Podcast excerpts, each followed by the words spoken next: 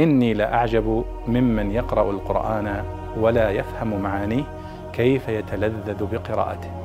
كيف يتلذذ بقراءته. يقول الله سبحانه وتعالى وإذ يعدكم الله إحدى الطائفتين أنها لكم وتودون أن غير ذات الشوكة تكون لكم.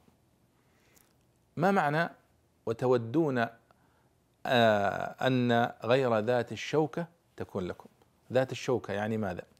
هذه تشير إلى معركة بدر. الله سبحانه وتعالى قد وعد النبي صلى الله عليه وسلم بالنصر أو بالغنيمة أو بأنه يغنم هذه القافلة.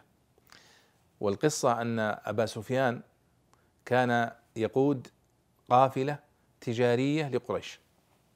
قافلة تجارية. والنبي صلى الله عليه وسلم في المدينة. آه، هو وأصحابه رضي الله عنهم في أول هجرتهم إلى المدينة.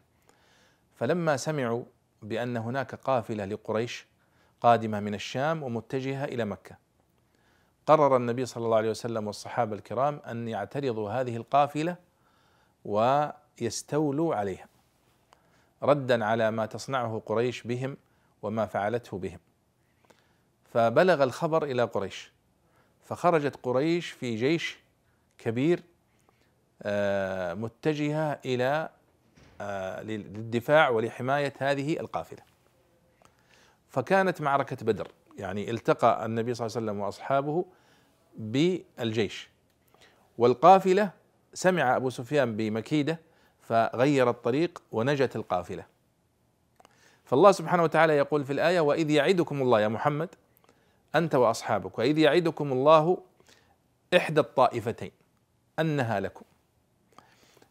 وعدكم الله أنكم إما تأخذون الغنيم تنتصرون في المعركة وتغنمون وإما تستولون على القافلة التجارية. قال وتودون أن غير ذات الشوكة تكون لكم، يعني كان الصحابة رضي الله عنهم يفضلون أن يكون الذي يحدث هو أنهم يقابلون القافلة التجارية ويستولون عليها. لكن الله أراد شيئا آخر. فيعني قابلوا الجيش المسلح وفاتتهم القافلة التجارية. فالله يقول هنا يسمي القافلة التجارية أنها غير ذات شوكة، يعني لم تكن مسلحة. فالشوكة هنا هي السلاح. وتودون أن غير ذات الشوكة تكون لكم، يعني تودون أن غير ذات السلاح وذات القوة العسكرية هي التي غنمتموها وهي القافلة التجارية. ولكن شاء الله إلا أن تلتقوا بالجيش الذي جاء من من مكة وتكون معركة بدر التي سماها الله معركه يوم الفرقان. ولقد نصركم الله ببدر وأنتم أذلة.